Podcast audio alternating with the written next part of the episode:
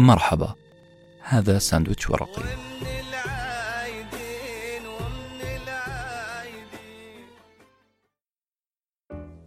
أما السعادة فلا أحد يكتب عنها. نحن نعيشها في جشع ولا نشارك فيها أحدا هذا هو رأي ملك روايات الجيب وأدب الرعب والفانتازيا الكاتب المصري الجميل دكتور أحمد خالد توفيق. لكن نعتذر من الدكتور توفيق وحنتبنى حكمة مضادة قدمها المؤلف الأمريكي لويد دوغلاس لما قال ربما كان من الخطأ أن نبحث عن السعادة من الأفضل أن نخلقها لأنفسنا. السعادة لا يبحث عنها بل تخلق بأيدينا. طريقها مليء بالألغام ومهمتنا إزالة الألغام واحدا تلو الآخر. خلونا نبدأ باللغم الأول. فردانية السعادة. جاور السعيد تسعد. هذا مثل معروف المقصود فيه أن السعادة عدوى تنتقل عبر الجدران من جار إلى آخر. إحنا نقدر نثبت أن السعادة عدوى زي ما يقول الإنجليز بال rule of thumb يعني بالتقدير الشخصي. أكيد إنك شفت قبل كذا مقاطع يوتيوب فيها أشخاص في الباص أو القطار بمجرد أن يضحك شخص واحد ويستمر في الضحك إلا ويظهر على الباقين وباء الضحك. طيب بلاش اليوتيوب. ألا تخجل في بعض الأحيان لما تحاول تكتم ضحكتك في جلسة فيها شخص آخر قاعد يضحك؟ هذا شيء طبيعي. الضحك ينتقل عبر الأثير. طيب ليه المسرحية وأنت في المسرح أحلى ألف مرة منها لما تتفرج عليها في اليوتيوب مثلا؟ ليه المباراة وأنت تشوفها مع أصدقائك أحلى من كونك لحالك؟ الجواب ببساطة لأنك بتنفعل مع انفعالات غيرك. الجو المبهج يحتاج على الأقل تواجد شخص واحد مبهج في الجلسة. لذلك يجب أن تنتبه من لغم الفردانية. السعادة عمل جماعي. اللغم الثاني الخوف من الفرح. إحنا نخاف نفرح. إحنا في قرارة أنفسنا نعتقد بأن العودة لعالم الهموم شيء قسري لا محالة. عبد الوهاب مطاوع مثلا يوافقنا في هذا الكلام. يقول لقد أصبحت أشك دائما في أن هذا الميل الغريزي للحزن داخلنا هو من ثمار تربية خاطئة في بيئات أسرية حزينة. تستجيب لدواعي الحزن بأكثر مما تستجيب لدواعي السرور.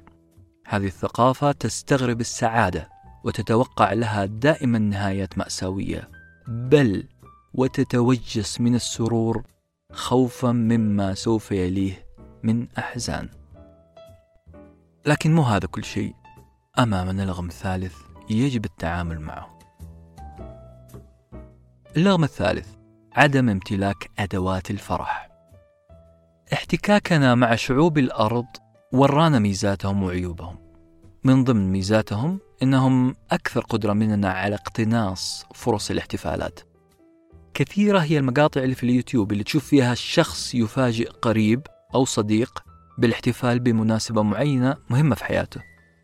عندهم ميزة هي الاهتمام بتواريخهم الشخصية، الاهتمام بالمناسبات الاهتمام بعنصر المفاجأة. تدوينتنا ستتحدث عن نموذج متفرد في مجتمعنا برع في خلق المناسبات والاحتفاء بها. هذا الشخص كان يدون التواريخ المهمة له ولأصدقائه وأقربائه ويفاجئهم بحفلة صغيرة وهدية بسيطة. اتفقنا بأن نسمي هذه الأداة memoprise وهي كلمة جديدة غير موجودة في القاموس خليط بين memory أو ذكرى وكلمة surprise مفاجأة.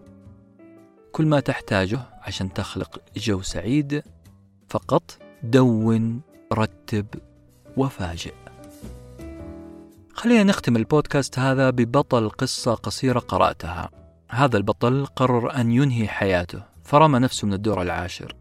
خلال سقوطه من الدور العاشر كان ينظر إلى نوافذ كل دور ليرى العجب العجاب.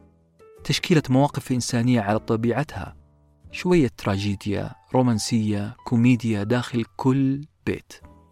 أثناء سقوطه من دور لدور كان يرى خصوصية كل دور وكأنها لقطات فيلم سريعة. رأى زوج وزوجته يتبادلان الصراخ ثم جلسة رومانسية بين حبيبين ثم حيوانات أليفة تتقافز في حضن صاحبها وهكذا. أثناء السقوط بدأ هذا الشخص في تكوين أسرع فلسفة عن الحياة والسعادة. الرجل فعلا أثناء سقوطه بدأ يفهم أن الحياة فيها ups and downs فيها تراجيديا وفيها فرح. تراجيديا هنا وفرح هناك ثم فرح هنا وتراجيديا هناك.